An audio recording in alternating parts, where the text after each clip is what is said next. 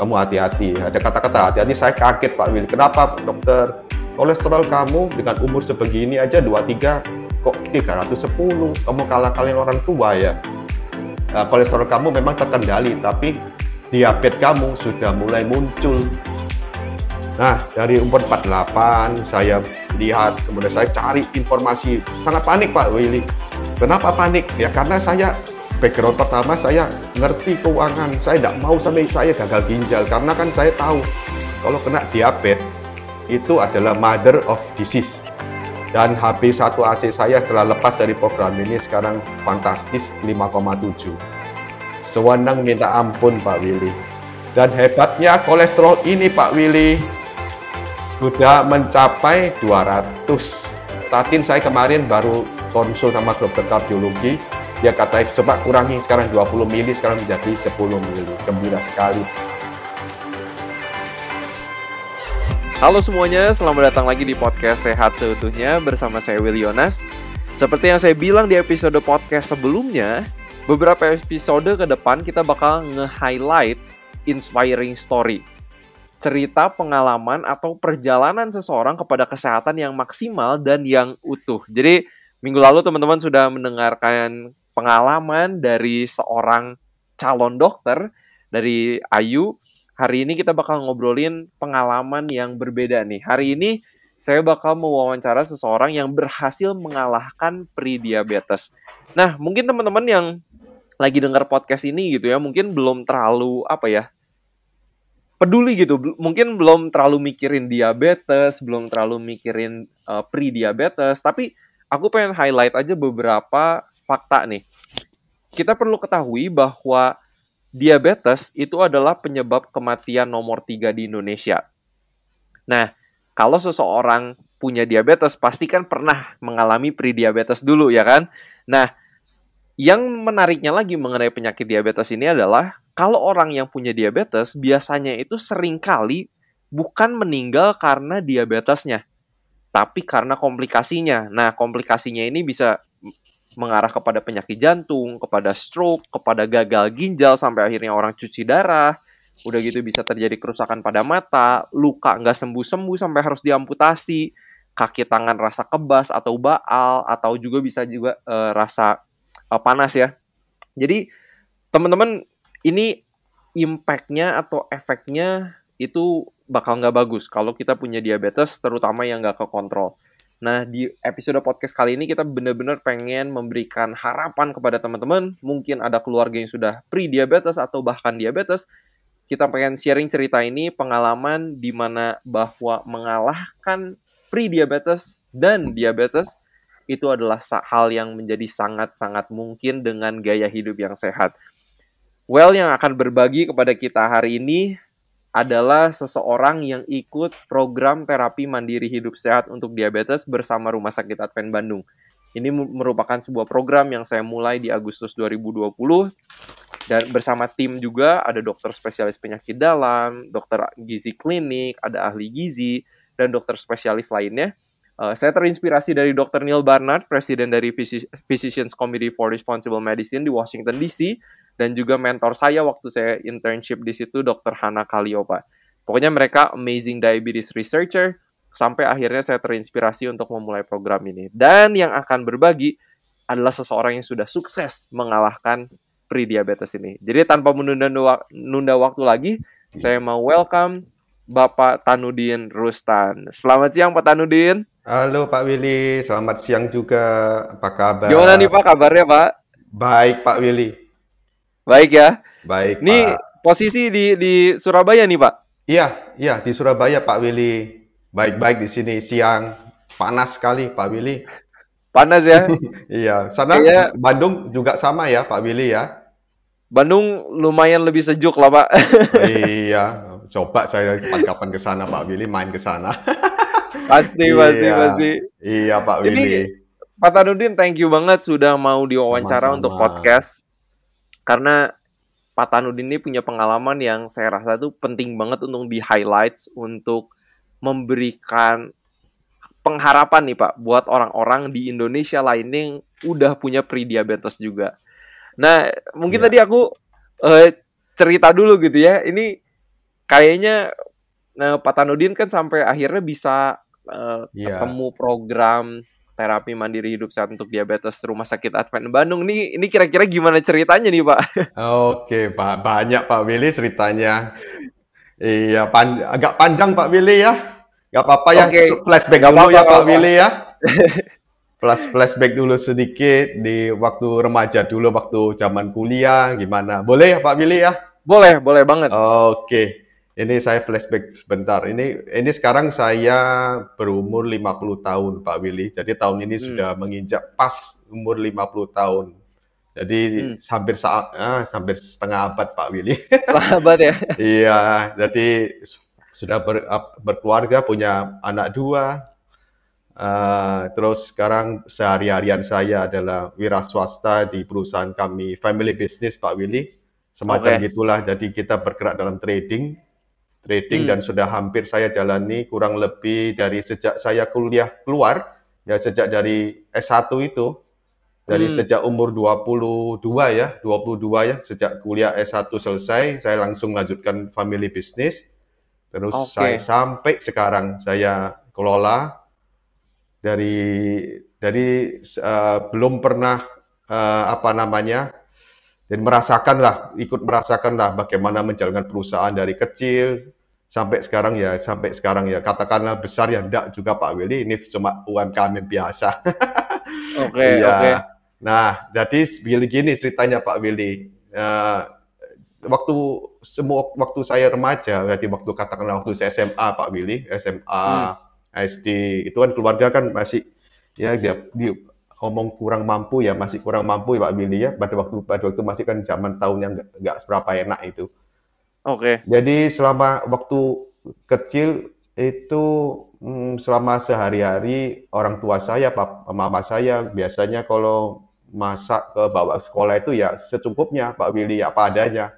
Kadang-kadang mie Oke. instan, kadang-kadang roti tawar se, se- dua lembar, kemudian jajan di sekolah, jajan di sekolah kadang-kadang kan ada permen, ada biskuit, biskuit satu dua Hmm. gitu Pak Willy ya. Iya, Kan iya. waktu dulu kan pulang sekolah kan jam 12 nggak seperti sekarang tuh Pak Willy ya. sekarang nggak sampai jam 3. Sore banget sekarang. Iya. Nah, setelah itu saya masuk SMA, kemudian kuliah, kuliah di universitas lokal di Surabaya. Saya mengambil manajemen Pak Willy, khususnya manajemen keuangan, finance.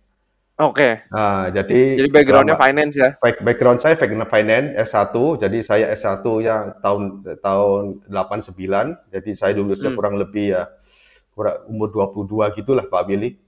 Hmm. Eh, kemudian saya sambil bekerja, saya ambil lagi S2 program Magister Management juga di Oke. universitas yang lama, sama juga ya. Nah, pada waktu kuliah S, waktu waktu masuk pasca sarjana itu, kami kan waktu waktu itu universitas lokal kan harus ada tes kesehatan Pak Willy ya. Hmm. Ah, pada waktu kan masih dua, umur 22, 23. Nah, saya tidak tahu mengenai tes kesehatan itu Pak Willy. Jadi selama waktu puji Tuhan lah, waktu SMA, waktu SD em, sehat-sehat lah, nggak nggak sampai sakit paling ya paling sakit ya flu, paling batuk pilek gitu. Demam, batuk pilek Iya, gitu aja ya. Betul ya. Orang tua juga tak nggak tahu juga, nggak tahu Hmm. mengenai lab-lab kesehatan sama sekali, nggak nggak ada yang mengenai Hmm. minim tekanan darah saja nggak tahu Pak Willy Oke. nggak tahu jadi kita ini buta jadi jadi walaupun itu saya kuliah loh kuliah tuh nggak tahu masalah apa namanya lab lab itu ada tes kesehatan itu ya anggap Hmm. pokoknya sehat ya nggak usah tes gitu loh nggak usah ke dokter Iya, iya, iya. ya nah setelah waktu masuk pasca sarjana pasca kami di- eh, harus ada suatu tes kesehatan simpel saja mud- eh, eh, tesnya sederhana yaitu panelnya lemak panel lemak seperti katakanlah kolesterol trigliserid Hmm. kemudian asam urat kemudian tes tekanan darah tinggi badan berat badan nah pada waktu umur 23 itu waktu masuk pasca sarjana berat badan saya tinggi saya 165 Oke. berat badan saya kurang lebih itu hampir 74 Pak Willy Oh, lumayan Tujuh- juga dong. Ya, 74. Ya, diagamakan agak gendut gitu, pipi pipinya mengkembung-kembung kelembung seperti ikan koki. Ini. Ah, Oke, jadi dulu kayak semua. gitu ya. Iya, jadi seperti apa namanya pipi pipinya membesar, persis benar bulat-bulat, wajahnya bulat, Hmm. persis. Jadi umur, Mungkin itu itu sering kali dianggap ini ya eh, apa tanda makmur gitu pak ya. Wah betul Pak Billy. Jadi kan waktu dulu kan zaman orang tua kan kalau anaknya gemuk-gemuk kan gemuk-gemuk kan bertanda sehat toh Pak Billy. Nah betul. Nah itu adik-adik saya juga sama. Jadi kami satu satu saudara tiga orang laki semua. Jadi semua juga gendut-gendut, Hmm. gendut-gendut. Nah setelah umur 23 saya waktu tes kesehatan itu saya menemukan kolesterol saya pada umur 23 itu hampir mencapai 310 Pak Willy. Wow. Triglycerid saya hampir mencapai 300. Wow. tekanan darah saya pada waktu itu untungnya masih 120, 80 karena kan nomor 23 Pak Willy. Hmm. Nah, iya, setelah iya, itu iya. saya dikonsul sama dokter umum di sana, dia bilang kamu hati-hati kamu kamu hati-hati. Ada kata-kata hati-hati, saya kaget Pak Willy. Kenapa dokter hati-hati? Kolesterol kamu dengan umur sebegini aja 23 kok 310. Kamu kalah-kalahin orang tua ya. Hmm. Hati-hati kamu. Nah, setelah itu saya kaget setengah mati dokter. Saya saya bilang Hmm. sama orang tua saya, papa, mama saya, papa mama saya, kok begitu? Mereka juga nggak ngerti. Nah, akhirnya saya akhirnya ke dokter keluarga terdekat. Kan Aha. kemudian saya konsultasi, "Eh, kamu hati-hati, kamu coba perbaiki dulu lifestyle kamu. Lifestyle dalam artian jangan makan instan. Instan, tolong Hmm. mie kan sering Pak kita kan namanya kuliah Pak Willy. Tahu sendiri Pak Willy kalau kalau kuliah itu kan serba instan Pak Willy. Apa Betul, saja yang penting- dimakan, kita Yang kenyang. penting kenyang ya. Ah, kenyang, nggak mau tahu. Itu pokoknya paling satu minggu paling mie instan bisa lima bungkus, lima kali Pak Willy. Sen, si Hmm. pagi makan mie instan, malam juga makan mie instan karena paling enak paling instan Pak Pak Willy. Sambil Betul, belajar betul. sambil itu. Tapi dulu, eh, tapi enaknya dulu nggak ada boba Pak Willy. Nah itu loh, nggak ada boba. Sana dulu waktu itu masih ada bungkusan sachet-sachet kopi itu. Hmm. Nah, saya demen Pak Willy dulu. Dulu saya senang kopi, saset-saset itu saya beli. Kan paling murah Pak Willy. Hmm, Dengan betul. kocek mahasiswa kan paling murah. Dulu itu udah ada seperti sekarang kafe-kafe begitu, dan nggak ada. Kurang Hmm. itulah, karena karena mahasiswa kocek kan nggak nggak bisa membeli. Ada dulu, tapi kan mahal sekali. Hmm, betul betul. Nah, kemudian pada waktu itu saya kaget gitu, terus saya bertindak dokter. Nah, bertindak apa yang saya lakukan pada waktu itu. Nah, kebetulan saya ini orangnya suka baca Pak Willy. Apa pun saya Hmm. baca Pak Willy, dari novel, dari novel, kemudian buku, dan terus saya ini senang baca buku finance, Dok, Pak Willy. Hmm.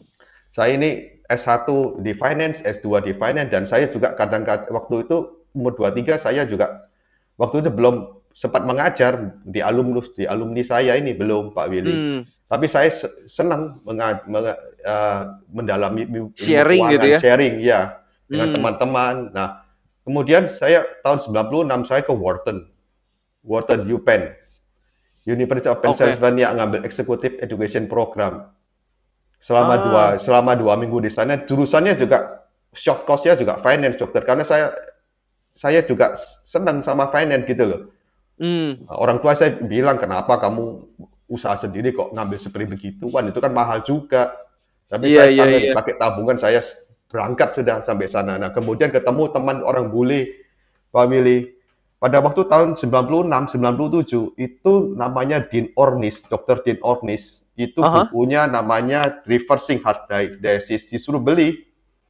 Saya kan Oh, cerita, gitu? kenapa? Kenapa orang bule saya bisa ketemu orang bule begitu, Pak Willy? Karena pada waktu itu kan di Wharton kan executive education kan mengajarkan short course, short course toh. Aha. Nah, itu berdasarkan case base, artinya studi kasus. Aha. Jadi sebelum kita masuk ke kuliah dari pagi, kuliah kalau di Wharton itu dari pagi jam 8 sampai jam 5 sore. Malamnya diskusi Oke. selama dua minggu digenjot terus terusan. Jadi selama itu nggak tidur Pak Willy. Jam 3 jam Wow. 2 berkecapung ber, bertukar pikiran, tukar buat tugas Hmm. sama orang-orang bule-bule itu. Nah, akhirnya selama dua minggu kita menjalin pertemanan. Saya Hmm. tanya, ada eh, kamu, dia tanya sama badan saya kok begitu kamu, kok gendut sekali kamu. Aha. Karena dia juga kebetulan orang dia dia ini orang bule ini kebet- kebetulan dia ini agak ini perhatikan gitu loh Pak Wil karena kan sudah teman Pak Hmm. Willy sama dua minggu beruntunglah saya ketemu orang bule ini, dia mengenalkan saya, Dr. Dean Ornis, bukunya, saya dibelikan, dibelikan di Barnes and Noble, Pak, Pak Willy. Dekat Wow. sana. Saya Barnes and Noble, nah saya baca, saya mulai baca, baca. Nah, pada waktu itu Pak Willy saya cari semua artikel mengenai kesehatan. Saya senang baca Pak Willy. Jadi Hmm. semua buku saya baca. Semua dari- dilahap lah ya. Ah, semua dilahap. Walaupun nggak ngerti Pak Willy, nggak ngerti apa itu kan Dr. Dean Ortiz ini kan ini kan paling paling seneng sama DASH toh, diet DASH toh, Hmm, dietary stop hypertension toh. Betul. terkenal di sana. Nah, kemudian saya semua lahap sampai umur 30, 33 sebelum kan saya. Saya 33 meritnya dok Pak Willy. Oke. Bahwa pada waktu itu saya sudah treatment dua, dua tahun saya nggak berhasil melakukan lifestyle changing sama dokter keluarga dikasih pertama Lipitor statin. Hmm, Statin padahal waktu itu dosis- udah udah baca buku Dean Ornish gitu ya. Jadi Iya, tapi nggak berhasil. nggak berhasil mempraktekannya gitu ya. Iya, karena kan bahasa ya berat banget kita dari manajemen ke mempelajari buku itu kan kurang bagus, kurang kurang bisa mengerti. Hmm, Ya saya cuma asal beli, asal beli lihat, kemudian di artikel kesehatan, di majalah-majalah, saya beli majalah Men's Health, Dok Pak Willy. hmm, Saya baca kan lebih mudah kita bagi orang awam mengerti. betul. Selama di umur dari umur 23 sampai umur 40, saya ini orangnya ini eh, health- eh, apa namanya awareness-nya sama kesehatan ini sangat-sangat bagus, Pak Willy. Oke. Saya jaga terus pola makan saya. Saya nggak makan sudah menghindari jeroan, Hmm, sudah menghindari eh, apa namanya porsi keropoknya, porsi keropok menghindari porsi keropok, dan tetap ada Pak Hmm. Willy ya. Eh, Oke. Goreng-gorengan tetap ada, tetap ada. Tapi tapi udah lebih dijaga gitu ya. lah dijaga. Saya ini umur 40 masih jaga. Nah, umur 40 anehnya kolesterol saya naik lagi. Eh, naik lagi Wow. dok- dokternya kasih sudah dosis kedua, li statin 20 mili masuk sudah. Hmm, Nah, kalau statin masuk itu kolesterol saya itu terjaga di angka 200, TG-nya trigliseridnya di angka 150, terjaga terus.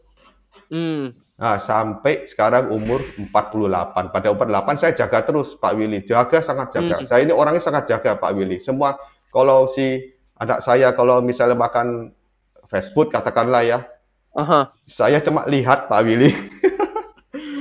Eh, saya cuma lihat, nanti saya pulang rumah, saya baru makan. Tapi Wow. lima itu, waktu pulang makan, saya makannya juga Sebenarnya ada udah ada komitmen gitu pak ya. Betul, saya ini orang ada komitmen. Saya ini karena saya kan begini Pak Willy. Saya ini karena kan finance Pak Willy.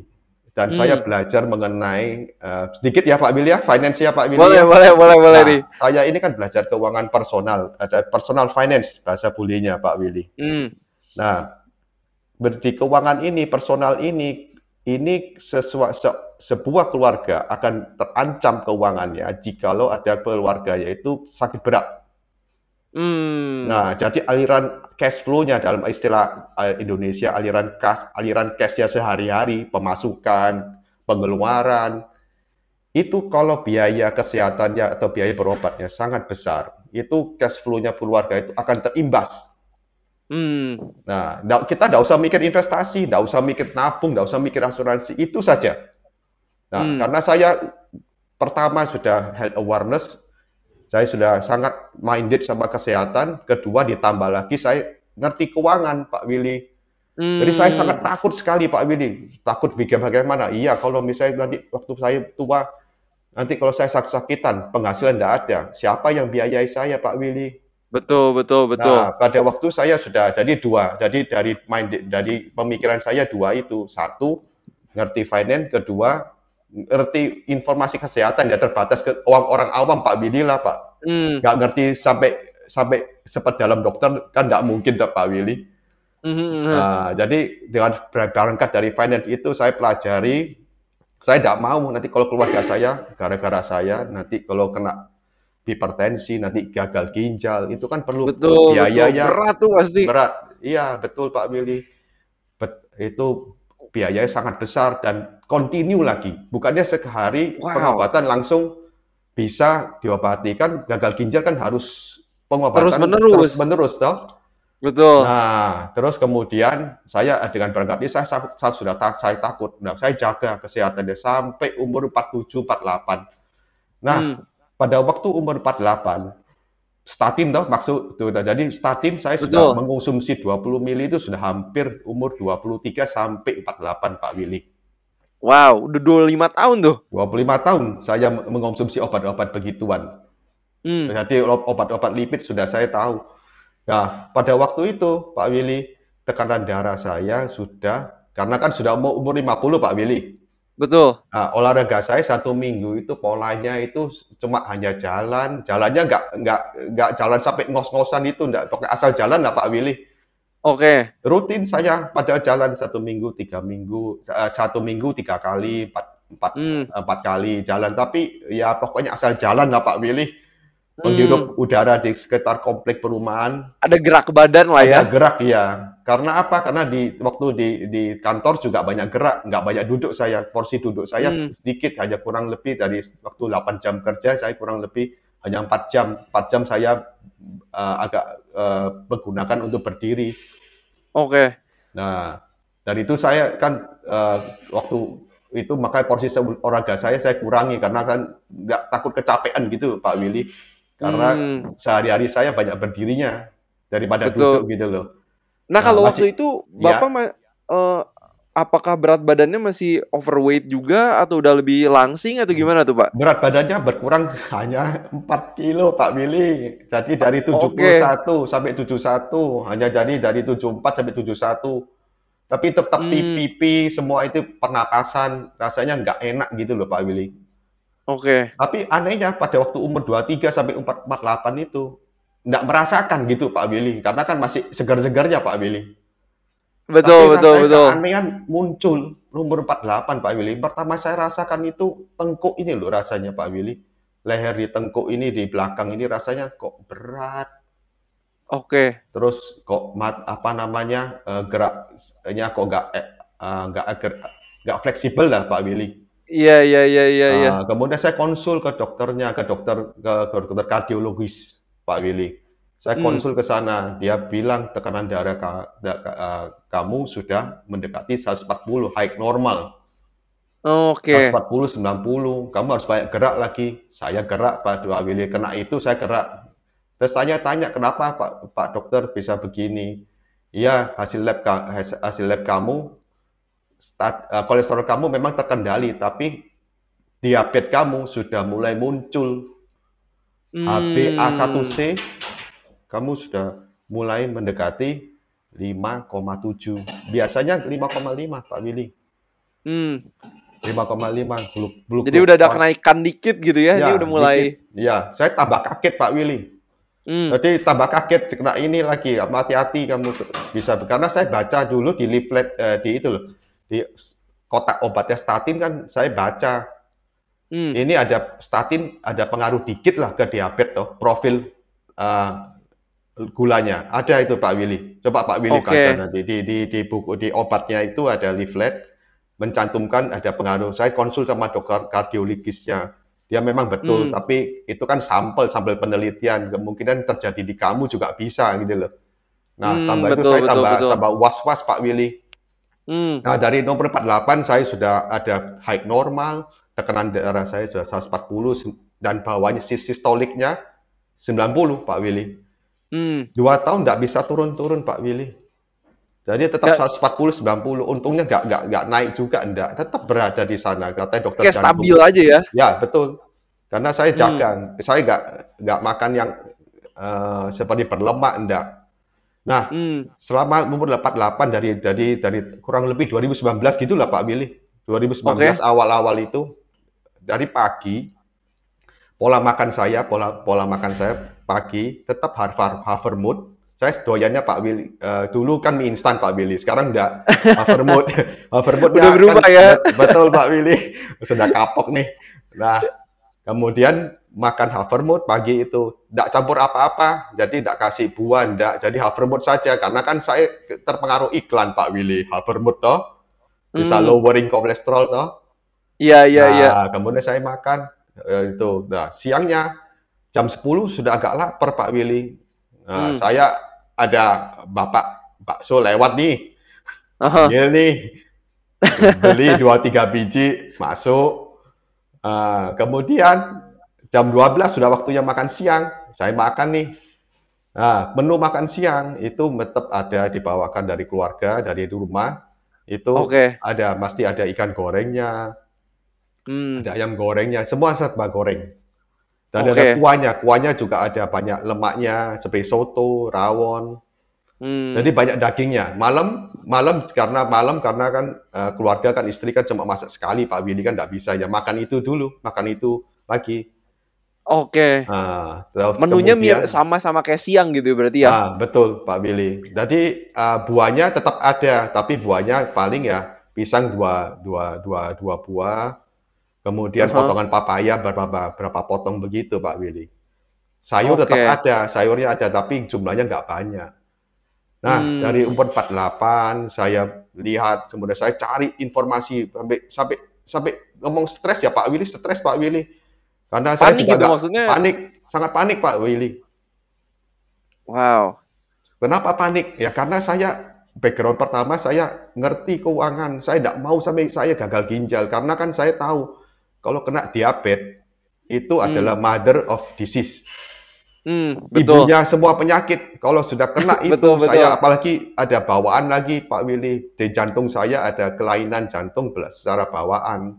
Tidak bisa. Nah, Oke. jadi saya pikir apa ya yang saya bisa controlling? Saya minum obat statin sudah, olahraga sudah, makan yang nggak jeruan, nggak nggak berminyak sudah, tapi tetap Hmm. ada ada unsur apa namanya? Ada hewannya, Hmm. ada hewannya. Jadi kurang makan buah sudah, tapi nggak porsi banyak. Apa ya yang yang itu saya dua tahun saya berjuang habis-habisan. Saya tanya, tapi untungnya HB1 CAC-nya tetap berkisar antara 5,7 sampai 6,1, kadang-kadang 6,2. Nah, dari situ saya sudah stres nih Pak Willy. Aha. Gimana ya? Karena apa? Karena dokter kardiologis cuma pesen cuma dua dua pesan aja. Satu, jaga makan. Kedua, olahraga. Nah, kita Hmm. orang awam ngartikan itu Pak Willy susah, Pak Willy. Gimana dok? Tolong ajarin dok, gimana Hmm. caranya makan sudah saya juga sudah jaga makan pagi makan havermut, Aha. siang jeruan tidak makan, kalau go- goreng-gorengan tetap ada, kerupuk ya tetap ada dikit Pak Willy, biskuit Aha, aha. kadang-kadang juga ada, tapi nggak banyak-banyak, dikurangi lah. Hmm. Nah, saya tidak tahu jembatan dulu Pak Willy, jadi komunikasi antara dokter sama eh, saya sebagai pasien itu menang. Dokternya maksudnya baik, dokter Pak Willy. Hmm. Maksudnya baik, cuma dua dua kalimat satu jaga pola makan, kedua olahraga. Tapi kita Tapi gimana nya gitu ya? Iya, kita tren eh, untuk men- menerjemahkan untuk actionnya itu saya tidak bisa Pak Willy. Hmm. Nah, saya cari, saya cari, cari, cari, cari ke mana-mana. Saya cari majalah, cari cari artikel. Saya Hmm. jalani semua sampai saya daftar ke gym sekalian, ke gym yang agak agak mahal itu, Pak Willy. Hmm. Ah, Biar biar saya- olahraga gitu ya. Betul, saya kuras habis-habisan. Jadi saya eh, sampai dua jam saya di gym, Pak Willy. Pagi, Wow. nah, setelah pulang pulang kantor saya dua jam, hampir dua jam saya a- a- lakukan. Tapi tidak, tapi tetap tidak bisa. Hmm. Kenapa tidak bisa? Karena malamnya sudah capek kena gym itu, dok Pak Willy, dua jam itu. Besoknya Hmm. tambah tambah nggak seger. Nah, saya satu tahun saya ikut gym, saya tidak mau ikut lagi. Hmm. Nah, setelah itu saya keluar. Nah, apa itu masih cari terus Pak Willy. Nah, ketemu saya iseng-iseng ketik dok salah satu dokter eh, gizi yang terkenal di Indonesia yang sering eh, memberikan Edukasi panduan gitu ya. di edukasi. Saya Hmm. ketik dokternya, eh muncul Insta Pak Willy.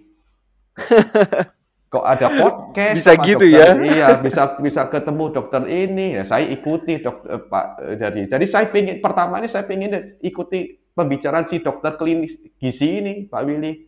Hmm. Akhirnya ketemu sama instanya Pak Willy. Terus Yang sampai akhirnya ngelihat kayaknya waktu itu saya juga lagi promosi masukin flyer tentang program diabetes dari Rumah Sakit Betul, Advent Bandung ya. Iya, Pak pada waktu Januari ya, Januari pertengahan pertengahan itu Pak Willy masukkan Kemudian waktu itu saya kenal sama Pak Willy, yaitu meminta Hmm. menu menu menu itu Pak Willy yang sama Dokter Sylvia itu menu vegan. Betul, betul, betul. Terus saya lihat saya tunjukkan kepada istri saya, loh kok begitu bagus, tampilannya bagus dan kok gampang gitu loh Pak Willy. Hmm, Nah, kita kan nggak salah kalau dicoba Pak Willy. betul, nah dari betul, sanalah betul. saya ketemu sama Pak Willy ini. Insta Pak Wow. Willy sehat seutuhnya. Jadi se, eh, puji Tuhan kita saya sama Pak Willy ini ya dikatakan jodoh ya jodoh Pak Willy. Nemu akhirnya Tuhan menjawab doa saya Pak Willy. Selama dua tahun bertarung saya nah inilah ini orang yang saya cari. Saya ingin ikuti Wow. instanya. Jadi saya, saya follow. Saya ikuti podcastnya Pak Willy. Saya belajar dari sana. Saya baru tahu. Tapi saya belum tahu actionnya Pak Willy. Betul, Caranya betul, gimana? betul. Saya tidak tahu cara actionnya men- menerjemahkan pola makan sehat sama olahraga sama bagaimana yang lain supaya pradiabetes saya bisa hilang. Wow, Nah, ini ini menarik Ya. banget ya kalau denger cerita Pak Tanudin tuh kayaknya dari tahun 90-an aja sebenarnya sudah ada yang memperkenalkan tulisan Dr. Dean Ornish, iya, seorang dokter yang mempromosikan, mempopulerkan plant-based diet iya, untuk mengalahkan penyakit jantung gitu. iya, Dan sampai akhirnya di tahun 2021 sampai Pak Tanudin akhirnya ikut program eh, untuk mengalahkan diabetes dengan Betul. plant-based diet, dengan olahraga. Kayak iya, apa ya? Dituntun pelan-pelan gitu, Pak ya. iya Pak Willy betul. Nah, Wow. kemudian dan- saya ada Pak Willy Gimana tuh, Pak? saya join, saya join, saya join Pak Willy. Tapi anehnya, kenapa ya saya join begituan ya? Padahal itu kalau kita konvensional kan dokter tatap muka sama pasien Pak Willy ya. Betul. Ini aneh kok program ini kok online. Ah, tadi saya sifatnya nothing lunus lah.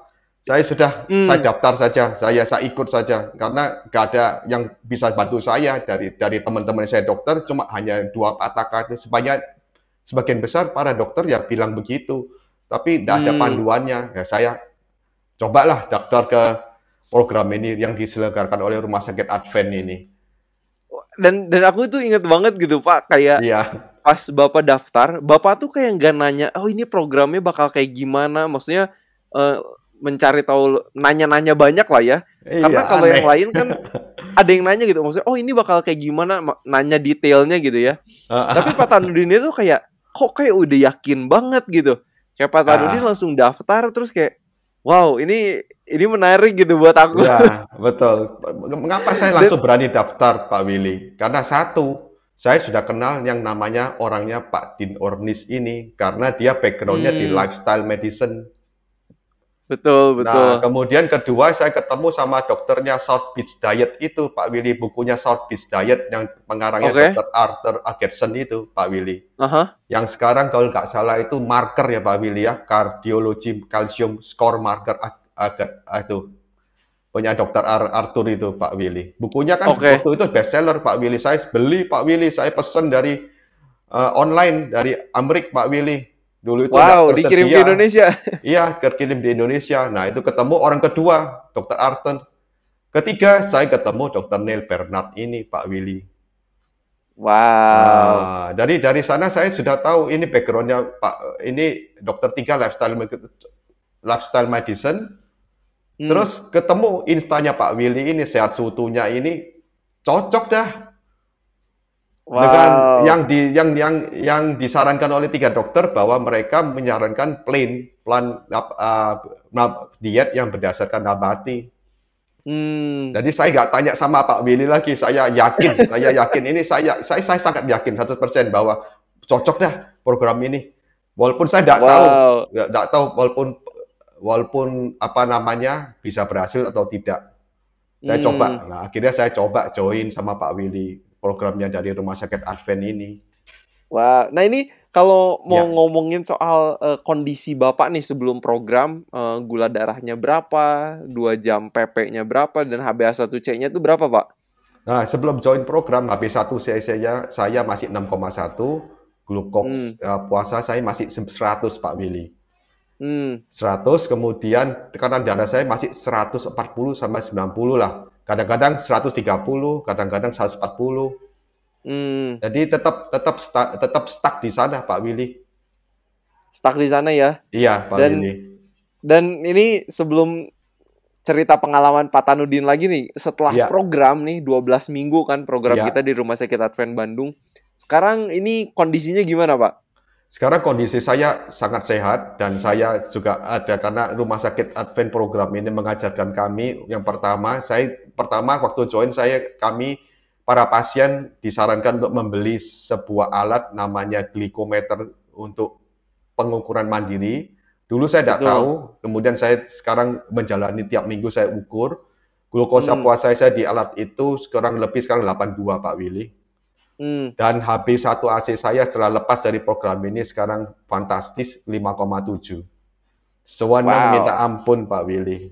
Glukosa puasa saya dari semula 99 100 sekarang menjadi 92. Dan wow. hebatnya kolesterol ini Pak Willy Gimana tuh? sudah mencapai 200 Pak Willy. Bayangkan. Jadi sekarang statin saya kemarin baru konsul sama dokter kardiologi, dia katakan Hmm. coba kurangi sekarang 20 mili sekarang menjadi 10 mili. Gembira sekali Pak Willy. Wow. Karena saya tahu Pak Willy obat statin ini nanti kalau efek jangka panjang dikonsumsi terus akan mengakibatkan kerusakan otot. Untungnya saya nggak terjadi. Hmm, Nah, jadi untungnya kemarin HP1AC-nya saya tetap sudah sekarang 5,7, kolesterol saya sekarang sudah terkendali angka 200 ke bawah Pak Willy. 190 gitu. Dan saya juga senang dengan program uh, Rumah Sakit Advent yang bisa nolong saya. Sekarang saya ingin menjalani hidup sehat. Dengan dietnya, dietnya agak aneh dari Rumah Sakit Advent ini Pak Willy, yaitu dietnya nabati dan non hewani. Wah, waktu Betul, menjalani betul. minggu pertama, dua minggu pertama, tiga minggu sulitnya minta ampun Pak Willy. ini makanan apa? Makanannya nggak ada ini. Nasi ya nasinya, berasnya beras, beras beli beras merah. Tapi setelah satu bulan perjuangan, akhirnya terbiasa lidah ini. Untungnya Hmm. terbiasa sekarang. Akhirnya sekarang sudah terbiasa ma- makan ini. Jadi kalau keluar keluar sama klien itu carinya ya nabati semua Pak Willy, susah. Jadi Wow. kliennya makan daging, saya carinya sayur Pak Willy. wow, ini Ya, ini mantap banget nih.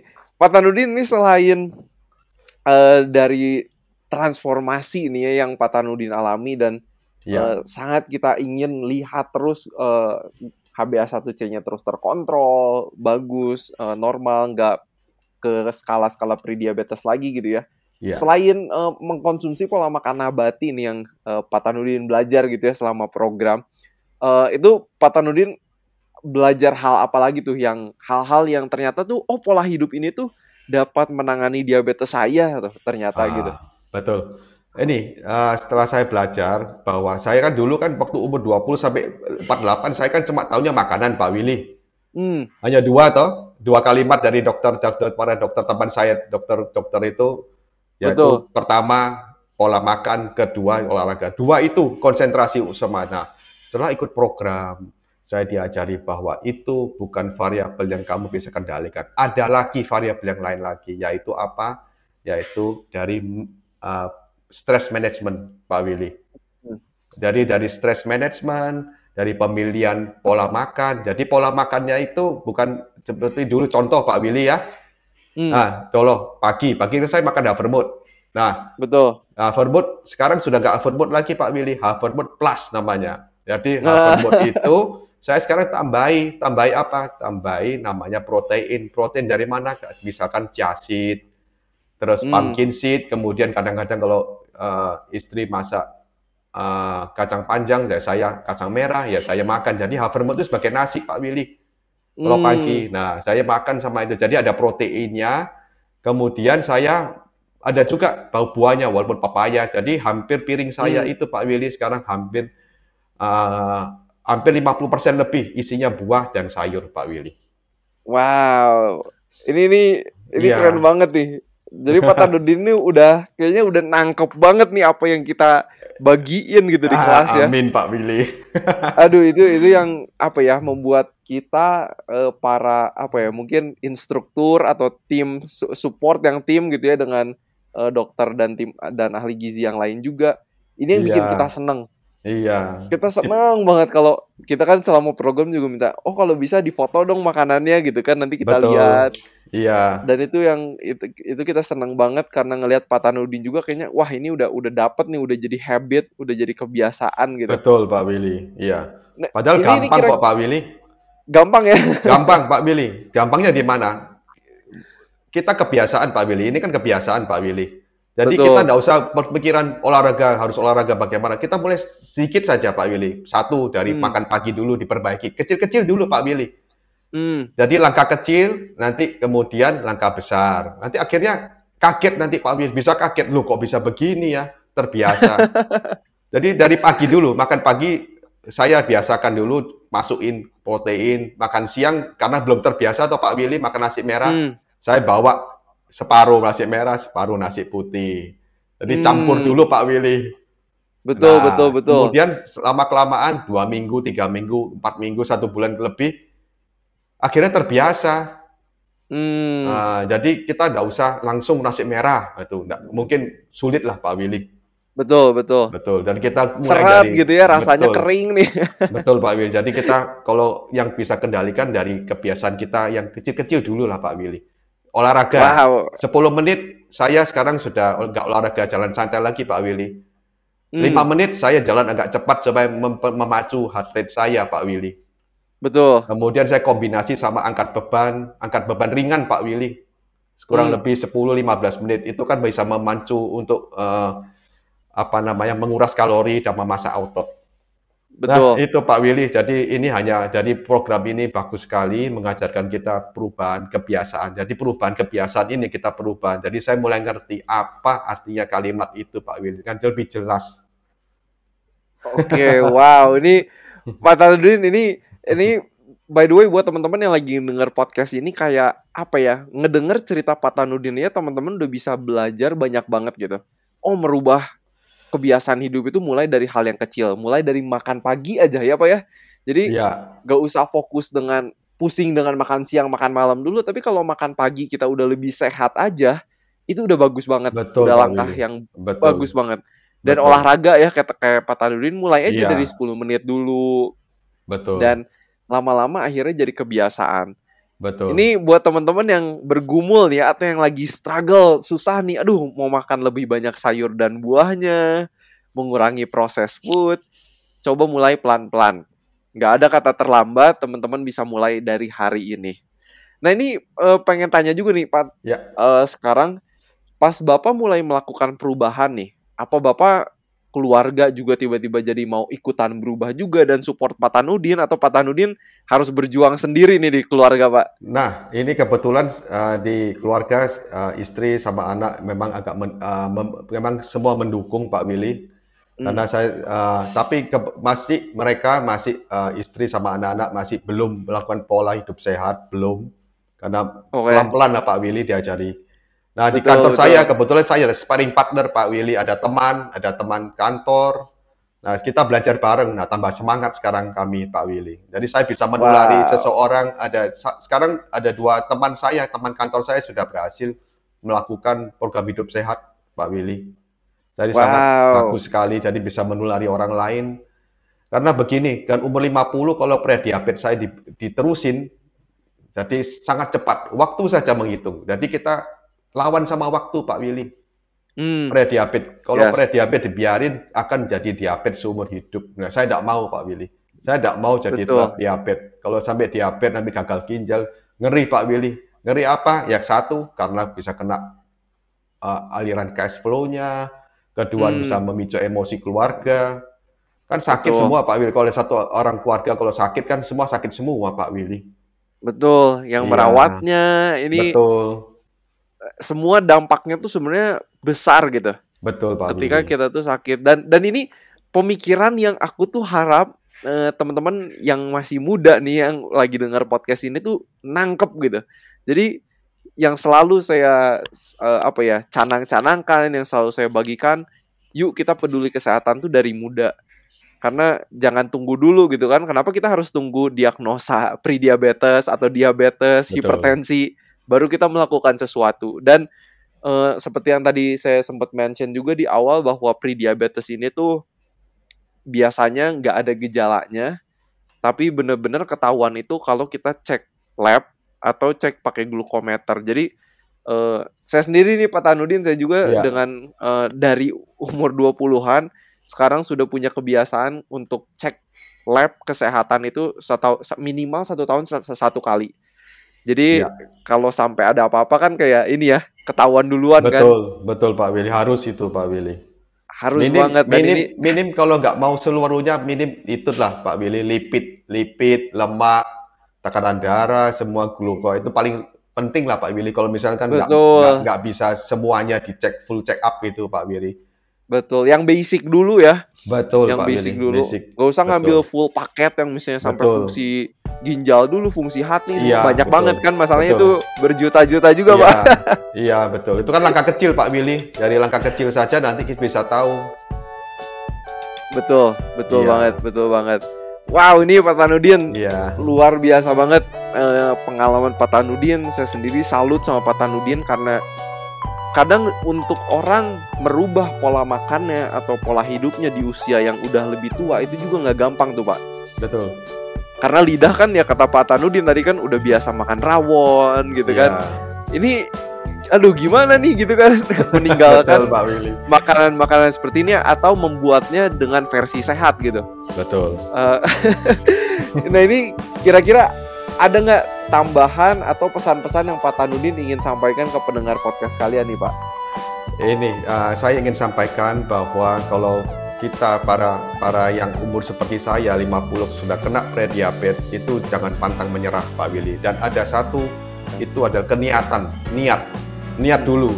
Niat untuk apa? Niat untuk melakukan kebiasaan kecil-kecil itulah kebiasaan Bali. Tidak usah dari olahraga kita tabung dulu semacam tabungan kecil-kecil. Nah nanti setelah sedikit sedikit nanti minggu pertama sedikit minggu kedua ditambah lagi porsinya akhir-akhirnya nanti semua bisa menjadi satu paket yang yang bagus yang bisa mempengaruhi tubuh kita sendiri. Coba uh, coba dipraktekkan ada pokoknya ada satu kemauan sama niat yang niat yang kuat untuk mengalahkan prediabetes ini. Pasti bisa menang kita, Pak Willy. Yes, betul betul betul. Dan ini mungkin keunikan dari lifestyle medicine.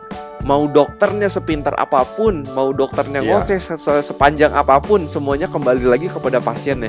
Betul, Pak. Willy. Jadi kita mau ngomong sampai mulut berbusa kalau pasiennya tidak mempra mempraktekkan, ya nggak nggak akan ke mana-mana juga gitu hasilnya kan. Betul. Jadi kita tugas kita ini orang-orang tenaga kesehatan mungkin ada yang tenaga kesehatan juga nih yang lagi dengar podcast kita ini tugasnya itu mendampingi pasien empower mereka kasih tips-tips cara-cara praktikalnya gimana nih untuk uh, mencapai kesehatan yang lebih maksimal gitu. Jadi Wow Pak Tanudin, ya. thank you so much Sama-sama udah berbagi di podcast Sehat Seutuhnya. Semoga teman-teman terinspirasi kalau ada keluarga, teman, kerabat yang udah punya pre-diabetes, udah punya diabetes, feel free to share this podcast supaya mereka terinspirasi dan mau mulai melakukan sesuatu untuk memiliki kesehatan yang lebih baik. Jadi seperti biasa, harapan saya semoga kita sehat seutuhnya.